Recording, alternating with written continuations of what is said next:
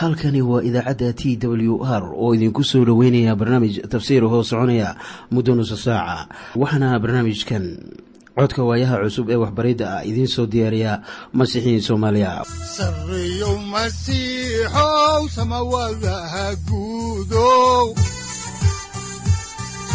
Siraadkii adduunkow subanaha eebow sareyow masiixow samawadaha guudow siraadkii adduunkow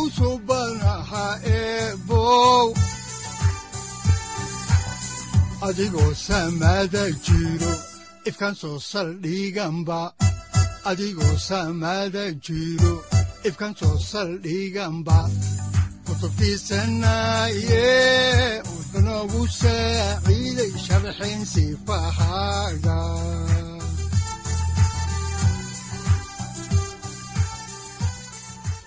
ku soo dhowaada dhegaystayaal barnaamijkeenna dhammaantiinba. Waxaan horay u sii ambaqaadi doonnaa daraasaadkii la magac baxay baibalka dhammaantii.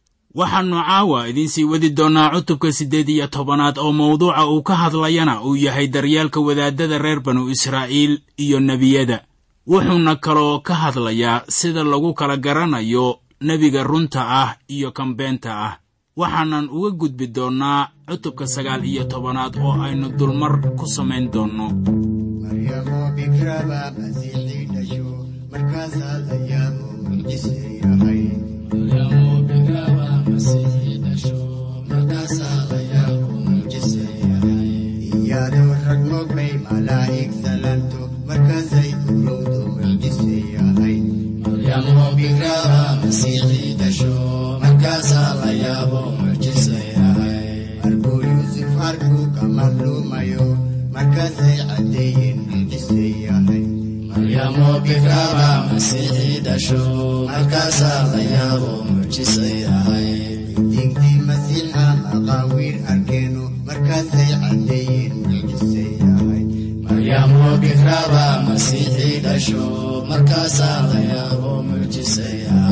boqorkii maqlay baa urugoodayo micnuhu la yaabo mucjise yahay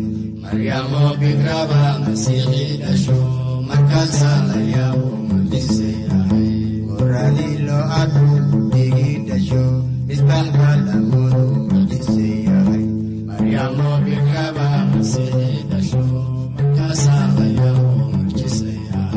markii noogu dambaysay waxaannu ka faalloonaynay wax ku saabsan daryeelka wadaaddada waxaanan idiin sheegnay in qaybta ay helayaan ay tahay qaybta ilaah uu ku leeyahay hilbaha lagu dubayo rugtiisa.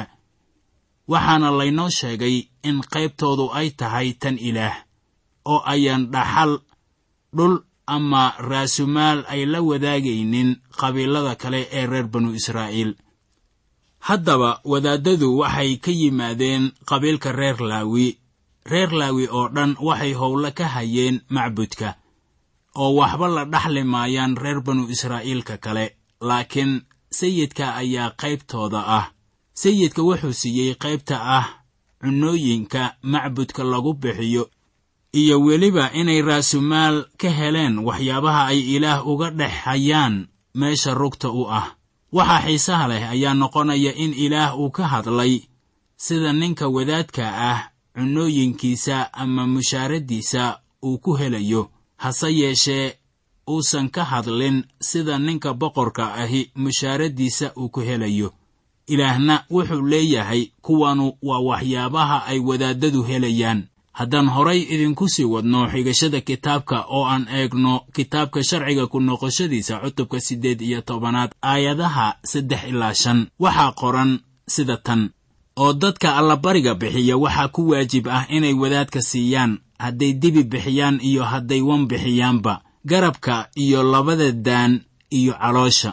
Oo isaga waa inaad siisaan waxa ugu horreeya haruurkiinna iyo qamrigiinna iyo saliiddiinna iyo dhogorta ugu horraysa idihiinna.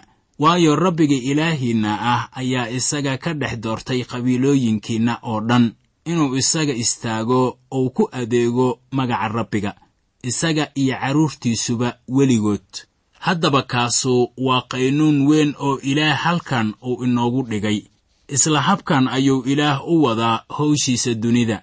Wuxuu garanayaa in dadkiisu ay kaamilayaan kuwa wakhtigooda oo dhan u huraya inay hadallada ilaah gaarsiiyaan dunida. Laakiin wakhtigu haatan wuu isbeddelay oo ma ahan in dadku ay kuwa hadallada ilaah faafinaya siiyaan hilib duban ama mid la kariyey. Laakiin weli qaabku waa isla sidiisii oo mid waliba oo wada hawsha ilaah waa in xubnaha kiniisaddu ay taageeraan haddaan horay idinku sii wadno xigashada kitaabka oo aan eegno kitaabka sharciga ku noqoshadiisa cutubka siddeed iyo tobanaad ayaa aayadaha sagaal ilaa laba iyo toban ay inoo sheegayaan sida tan. Oo markaad gashaan dalkii rabbigii ilaahiinna ah oo uu idiin siinayo waa inaydan baran inaad samaysaan waxyaalaha karaahiyada ah oo ay quruumahaasu sameeyaan. Oo dhexdiinna waa inaan laga helin mid wiilkiisa ama gabadhiisa dab dhex mariya ama mid faal ku isticmaala ama mid xidigo ku faaliya ama qumay ama mid wax fala ama falanfallow ama mid qof ruuxaan leh la hadla ama sixirow ama mid kuwa dhintay la hadla. Waayo ku alla kii waxyaalahaasi sameeya waa u karaahiyo rabbiga oo waxyaalahan karaahiyada ah daraaddood ayaa rabbiga ilaahiinna ahu iyaga hortiinna uga eryayaa haddaba markii dadkaasu ay dhulka galaan ayaa laga doonayaa inaanay samaynin. Fala la mid ah kuwa ay quruumahaasi sameeyaan oo ayan la tashan ruuxyo shar ah. Digniinta waxaa lagu soo noqday mar kale xilliga ahdiga cusub. Bawlos ayaa u digaya masiixiyiinta oo wuxuu leeyahay sida ku qoran warqaddii koowaad ee timoteyos baalka saddex boqol lixdan iyo siddeed ee ahdiga cusub. Cutubka afaraad aayadda koowaad laakiin ruuxu bayaan buu u sheegayaa in wakhtiga ugu dambaysta qaar ay ka fogaan doonaan iimaanka iyagoo dhegaysanaya ruuxyo khiyaaneeya iyo cilmiyada jinniyada. Waxaa halkanna la leeyahay dadku waxay dhegahooda u dhigayaan inay maqlaan waxyaabaha jinniyada iyo ruuxyadu ay sheegaan. Marka la gaaro wakhtiga kama dambaysta waxay aniga ila tahay inaan soo gaarnay xilliyada dadku ay la tashanayaan jinniyada iyo ruuxyada. Waxaan arkaynaa in dunidu ay haatan ka xorowday dhanka diimaha oo dad badan ayaa si bareer ah asnaamta u caabuda. Markaana waxaa jira waxyaabo badan oo ka markhaati kacaya inuu jiro shayddaan caabud magaalooyinka waaweyn. Waxaanay duufinayaan aalaaba dad badan oo magac iyo sharafba ku leh dadkooda waxayna kuwa horseedka ka ah firqooyinkaasi ay weyddiiyaan wax ku saabsan mustaqbalka. Laakiin ilaah wuu inooga digayaa waxyaabahaasi oo wuxuu leeyahay waxyaabahanu hortayda karaahiye ayay ku yihiin. Waxaad ku arkaysaa jaraa'idiyada ka soo baxa badana waddamada dunida inay ku qoran yihiin waxyaabo ku saabsan cilmiga xiddigaha. Dadka soomaalida ah aad bay u garanayaan oo waxay yidhaahdaan marka faalka la dhigayo waxaa loo dhigaa iyadoo xiddigaha la eegayo.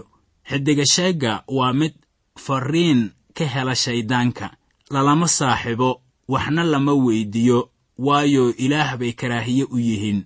Waxyaabahaasu waxay dadka ka fogeeyaan ilaah. Waxaan kaloo arkaynaa in dunideenna maanta ay ka jiraan waxyaabo tilmaamaya in dadku ay jinniye qabaan. Waxaad arkaysaa inay daroogooyin qaadanayaan dabeetana ay galayaan falal isugu jira macaasi iyo dil. Waxaana falalkaasi ay ka dhigaan kuwa inay ka sii daraan maahee aan ka soo raynin. Waxaana taasi ugu wacan iyadoo laga dheeraaday rabbigii qalqay samada iyo dhulka.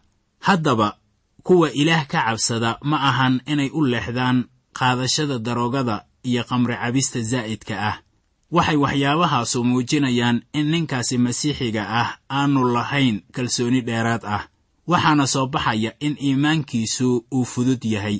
Wuxuu qofka ceenkaas ah ka tegayaa ruuxa quduuska ah iyo hadallada ilaah. Ilaahna waxyaabaha ceenkan oo kale ah horay buu uga digay. Haddii aad daroogada ama qamri cabista aad ka waantowdo waxaad arkaysaa inaadan yeelanaynin saaxiibo fara badan waxaad noqonaysaa mid dareema cidlo iyo kelinimo laakiin waxay taasu ka wacan tahay inaad ilaah ka dheeraato oo shayddaanku uu ku taliyo. Marka waxaa wanaagsan inaad keliga ahaato ilaahna wuxuu noqonayaa wehelkaaga. Intaad jameeco badan qamri qaad ama daroogo la qaadan lahayd haddaan faalladii ku saabsanayd digniinta ilaah oo uga digayo kuwiisa halkaa ku dhaafno ayaannu iminkana eegaynaa cutubka siddeed iyo tobanaad aayadaha saddex iyo toban ilaa afar iyo toban. Waxaa qoran sida tan waa inaad rabbiga ilaahiinna ah dhammaan u qumanaataan maxaa yeelay quruumahaas aad hantiyi doontaan waxay dhagaystaan kuwa xiddiga ku faalliya iyo faallowyada kale. Laakiinse idinka rabbiga ilaahiinna ahu idinma uu oggolaan inaad saas oo kale yeeshaan. Haddaba quruuntan deggan dalkan ee iyaga uga soo horreeyey ayaa kol dhow laga saari doonay dhulka iyadoo ay ugu wacan tahay inay falayaan dunuubtan. Ilaah kaga digayo reer banu israa'iil. Reer banu israa'iilna waxaa loogu yeedhay inay markhaati u ahaadaan ilaaha runta ah oo baaqiga ah haddaan xaalkaasi intaasi kaga baxno ayaannu iminka soo gaarnay maaddo kale oo xiise weyn leh. Waxaana weeye ballanka ku saabsan nebi imaan doonay. Haddaan xaalka nebigaasi la sii sheegay ka eegno kitaabka sharciga ku noqoshadiisa baalka laba boqol afartan iyo toddoba ee axdigii hore ayaannu ka akhriyaynaa cutubka siddeed iyo tobanaad aayadaha shan iyo toban ilaa toddoba iyo toban. Waxaana qoran sida tan oo rabbiga ilaahiinna ahu wuxuu dhexdiinna idinka kicin doonaa nebi sidayda oo kale oo walaalihiinna ka mid ah. Oo idinku waa inaad isaga dhegaysataan sidaad rabbiga ilaahiinna ah uga doonayseen maalintii shirka. Markaad xooreeb joogteen oo aad tidhaahdeen rabbiga ilaahayaga ah codkiisa yaynan mar damba maqlin oo dabkan weynna yaynaan mar damba arkin si aanan u dhiman oo markaas rabbiga wuxuu igu yidhi wixii ay ku hadleen si wanaagsan bay u yidhaahdeen. Haddaba reer banu israa'iil waxay ahayd inay maqlaan nebiyada ilaah. Maxaa taa sabab u ah? Waxaa sabab u ah inay kuwaasu runta ku hadlayeen. Taasuna waa asbaabta dhabta ah. Laakiin asbaabta labaad waxay ahayd inay u diyaariyaan inay maqlaan farriin walaha u dambeeya oo lagu khatimayo nebiyada oo idil oo ah sayid ciise masiix. Dadka qaar ayaa weli isweydinaya waxa ilaah aannu isugu muujinin dadka maanta. Saaxiib qofnimada sayid ciise masiix ayuu ilaah wax walba ku soo kaamilay. Hadal waa intii uu ciise yidhi wax kale dunida uma hayo. Markaana waa in dadku ay maqlaan hadallada ciise masiix. Waa inaan maqalnaa isaga markii la dhalan rogay sayidka ayaa ilaaha aabbaha ahi uu leeyahay kanu waa wiilkayga aan jeclahay oo ay nafsaddaydu ku faraxsan tahay ee maqla isaga. Waxaa taasu ay ku qoran tahay injiilka matayos sida uu u qoray cutubka toddoba iyo tobanaad aayadda shanaad. Markaan eegayno aayadaha ku saabsan nebiga imaan doonay ayaan haddii aynu masiixiyiin nahay rumaysan nahay inkaasu u ahaa sayid ciise masiix oo noqday kii u dambeeyey ee ilaah uu u muujiyey bini'aadanka. Haddaan dib ugu noqonno kitaabka sharciga ku noqoshadiisa cutubka siddeed iyo tobanaad aayadaha siddeed iyo toban ilaa sagaal iyo toban ayaa waxaa ku qoran sida tan. Waxaan iyaga walaalahood uga dhex kicin doonaa nebi sidaada oo kale ah oo markaasaan afkiisa gelin doonaa erayadayda oo isna wuxuu iyaga kula hadli doonaa wax alla waxaan isaga ku amri doono oo dhan oo waxay noqon doontaa in ku alla kii aan maqlin erayada uu magacayga ku sheegi doono isagaan weydin doonaa. Waxaynu garanaynaa haddaan aayadahaasi ka yara faalloonno in sayid ciise masiix uu ku celceliyey dhowr jeer hadallada uu ku hadlayaa inaanay kuwiisa ahayn laakiin ay yihiin kuwa aabbihiis waxaa warbixinnadaasi aad ka helaysaa injiilka sida yooxanaa uu u qoray cutubka shanaad aayadda soddonaad iyo cutubka lixaad. Ciise masiixna wuxuu leeyahay dunidan uma imaanin inaan yeelo doonistayda laakiin waxaan u imid inaan yeelo doonistii aabbahay. Haddaba haddii ay dhici lahayd in ilaah samada uu ka soo hadlo ayaa sida abbaarta ah uu ku noqon lahaa isla wixii ciise uu yidhi waayo wax kasta ee uu inagu odhan lahaa aniga iyo adiga ayaa lagu dhammeeyey shakhsiyaddii ama qofnimadii ciise masiix. Sababtaas aawadeed ayaynan u raacaynin kuwa faalloowyada ah iyo kuwa wax sii sheega. Waxaanse ku camalfalaynaa waxyaabaha baibalka uu ina farayo. Haddaba saadaasha mustaqbalka ayaan ahayn xaal gacanta ugu jira bini'aadanka ilaah oo keliya ayaa taasi garanaya mustaqbalka oo isaga ayaa aqoonsi gaar ah ay u tahay. Waxyaabaha hadalladii ilaah ay ku caanbaxeen ayaa waxay tahay inay ka shisheeyaan wakhtiga ay joogaan oo ay saameeyaan mustaqbalka. Tan koowaad ee aan ku rumaysanahay kitaabka baibalka ayaa waxay tahay sida waxyiyada ku qorani ay u kaamilmaan afar marka loo qaybiyo waxyaabaha ku qoran kitaabka baibalka ayaa meele ay noqonaysaa waxyi markii la qorayey. Qaybo badan oo waxyiyadaasi ahna waa la kaamilay. Ilaah wuxuu ku qoray kitaabkiisa waxyiyo ka hadlaya caasimado quruumo iyo embaradoriyado waaweyn. Waxaa haddaba laynoo sheegay inay jiraan nebiyo been ah oo bal eeg siday u fara badan yihiin maanta iyagoo doonaya inay qaataan qadarinta iyo mudnaanta ay leeyihiin nebiyada ilaah. Haddaan faalladaasi intaasi ku dhaafno ayaa waxaa su'aashu ay noqonaysaa sidee bay reer banu israa'iil ku kala garanayaan nebiyada beenta ah iyo kuwa ilaah ka yimid. Haddaba ilaah tijaabo ayuu dhigayaa taasoo lagu kala garanayo in shakhsigaasu uu yahay nebi ilaah ama inuu yahay mid beenlow ah maadaama aynu soo gaarnay maaddadan lagu kala garanayo nebiga ilaah iyo kan qaa'inka ah ayaannu garanaynaa in israa'iil ay raacin sharciga ilaah ee ay ku kala garan karaan labadaasi nin. Haddaan idin yara bidhaaminno qiso xaalkaasi ku saabsan ayaa waxaa ku qoran kitaabkii yeremiyah cutubka afar iyo tobanaad aayadda afar iyo tobanaad ee baalka sagaal boqol toddobaatan iyo labo ee axdigii hore sida tan. Markaasaa rabbigu uu igu yidhi nebiyadu wax been ah ayay magacayga ku sii sheegaan anigu sooma aan dirin soomana aan amrin lamana aan hadlin innaba. Waxay idiin sii sheegaan riyo been ah iyo faal iyo wax aan waxba ahayn iyo khiyaanadii qalbigooda. Haddaba way sahlan tahay in nebiyada beenaalayaasha ahi ay ka hadlaan boqortooyo imaanaysa qarniyo badan kadib nebi yeremiyah wuxuu wax inooga sheegay mustaqbalka. Sidee baa qof uu ku ogaanayaa kan runta sheegaya? Waxaan maanta garanaynaa wax badan oo ku saabsan waxyiyadii nebi yeremiyah in la kaamilay. Laakiin sidee bay dadku ku ogaanayaan markaa ay laba nebiba ay wax saadaalinayaan? Ilaah wuxuu dhigay tijaabo lagu kala garanayo nebigii isaga ka yimid iyo kan beenaalaha ah bal dhegayso waxa ilaah uu leeyahay marka aynu eegayno kitaabka sharciga ku noqoshadiisa cutubka siddeed iyo tobanaad aayadaha labaatan ilaa laba iyo labaatan. Waxaa qoran sida tan laakiinse nebigii wax aanan ku amrin leh oo si kibir ah magacayga ugu hadla ama kii ilaahyo kale magacood ku hadlaa nebigaasu waa inuu dhintaa. Oo haddaad qalbigiinna isku tidhaahdaan sidee baannu u garanaynaa nebigii eraygii aan rabbiga ku hadlin. Markii nebi uu ku hadlo magaca rabbiga haddii wixii uu ku hadlay ayan ahaan oo ayan noqon waxaas ayaa ah waxa aannu rabbiga ku hadlin. Nebigu si kibir ah buu u hadlay ee waa inaydan ka cabsan innaba.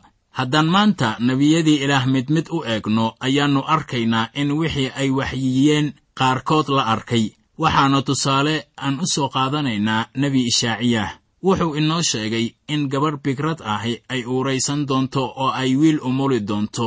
Wuxuu si caddaan ah u sii sheegay sayid ciise masiix oo isagu ka dhalan doonay bigrad hadday noqon lahayd dhalashadiisii noloshiisii iyo dhimashadiisii.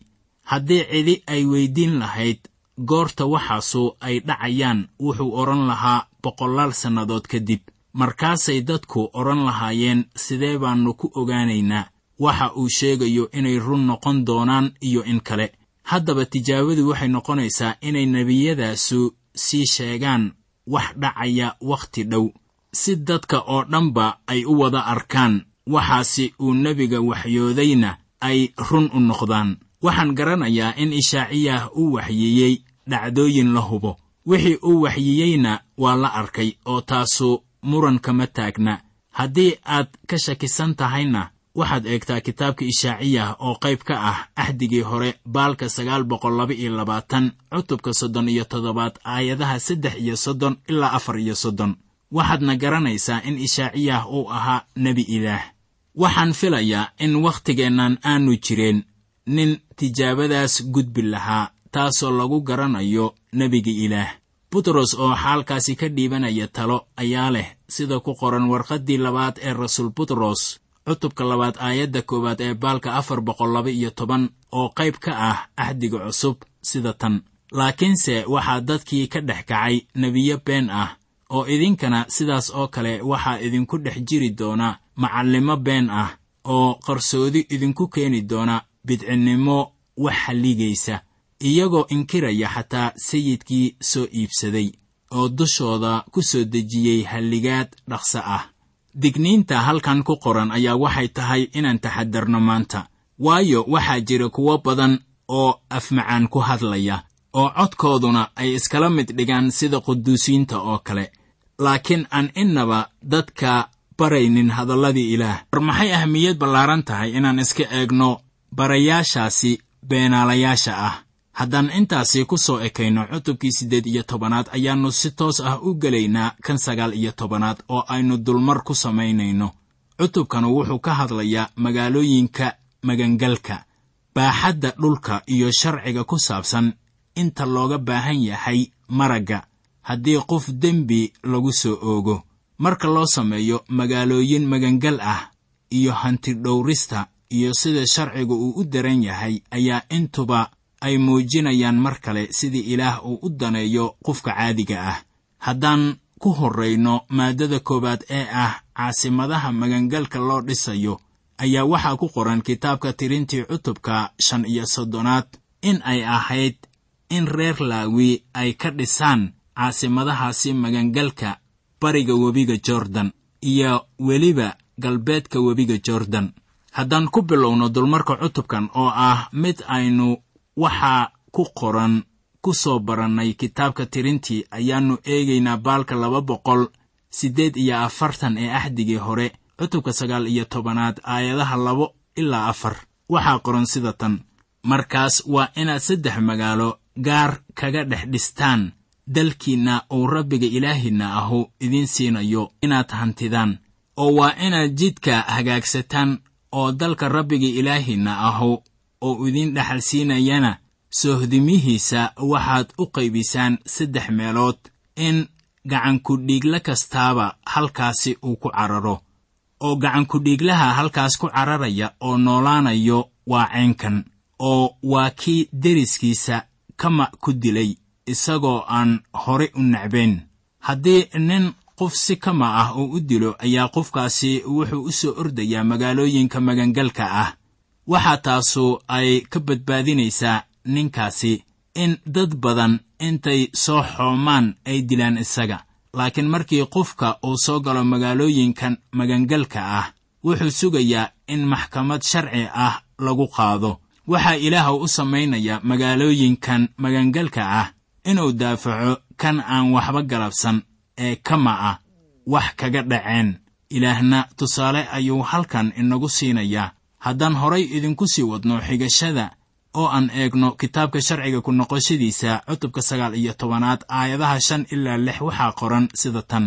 Sida markii nin deriskiis duurka ugu raaco inay qoryo soo jaraan oo gacantiisu ay faaska qaadato inuu geedka ku jaro oo markaas birtu intay daabka ka siibato ku dhacdo kii deriskiisa ahaa ee uu saan ku dhinto markaas isagu waa inuu ku cararaa magaalooyinkaas middood si uu ku noolaado. Waaba intaasoo kan ardoonka ahu uu gacankudhiiglaha raacdaystaa intuu qalbigiisu kulul yahay oo uu gaaraa jidka fog aawadiis oo uu markaasi dilaa isagoo aan dhimasho istaahilin. Maxaa yeelay isagu hore uma uu nacbeen ilaah wuxuu kaloo ina siinayaa tusaale kale oo uu inoogu sheegayo in magaalooyinka magangalka ah aan loo dhisin kuwa gacankudhiiglayaasha ah oo dadka soo laayay. Haddaan horay idinku sii wadno xigashada kitaabka sharciga ku noqoshadiisa aayadaha kow iyo toban ilaa laba iyo toban ee cutubka sagaal iyo tobanaad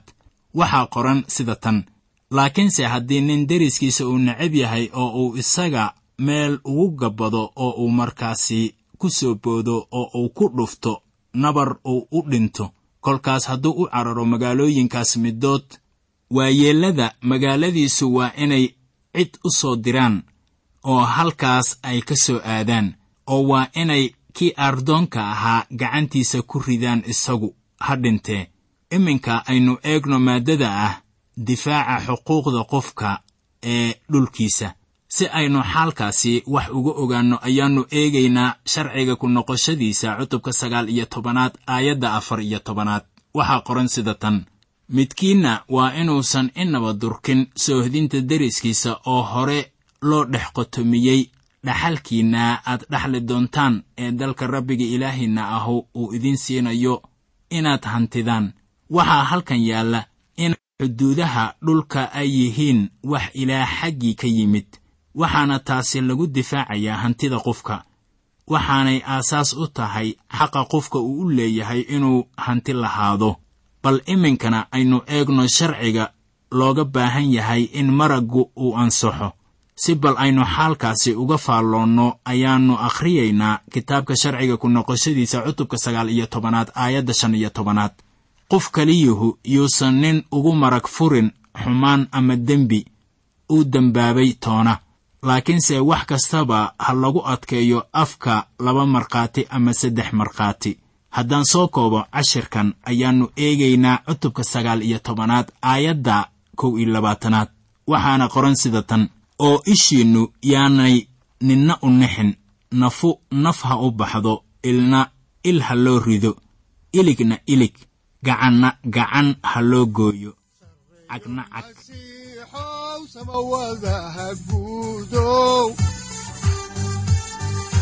siraadkii adduunkow subanaha eebow adigoo samada jiro ifkan soo saldhiganba adigoo samada jiro ifkan soo saldhiganba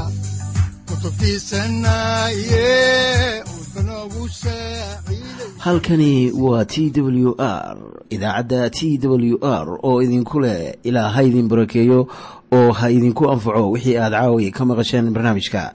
Waxaa barnaamijkan oo kalea aad ka maqli doontaan habeen dambe hadahan oo kale haddiise aad doonaysaan in aad fikirkiina ka dhiibataan wixii aad caawi maqasheen ayaad nagala soo xiriiri kartaan som t w r at t w r c o k e haddii aad doonaysaan in aad dejiisataan oo kaydsataan barnaamijka ama aad mar kale dhegaysataan fadlan mar kale booqo www t w r o r g. Amase www t t b t w r o r g. Amase waxaad teleefoonkaaga ku kaydsataa ama ku download garaysataa agabyada ku sahli karaa dhegeysiga t w r haddii aad doonayso in laga kaalmeeyo dhinacyada fahamka kitaabka amase aad u baahan tahay duco fadlan fariimahaaga soo mari bogga aaraahda ama kommentska inana jawaab degdeg ah ayaanu ku soo diri doonaa amase ku siin doonaaye sareyow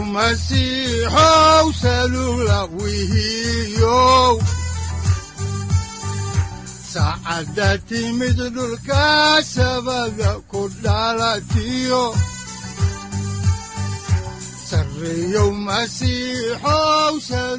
halkani waa t w r oo idiin rajaynaya habeen baraare iyo barwaaqaba leh. Inta aynu ka gaari doono wakhti aynu ku kulanno barnaamij la mida kan caawayay aad maqasheen. Waxa aan idinku leeyahay nabadda ciise masiix ha idinku badato xagga jidhka iyo ruuxaba. Aamiin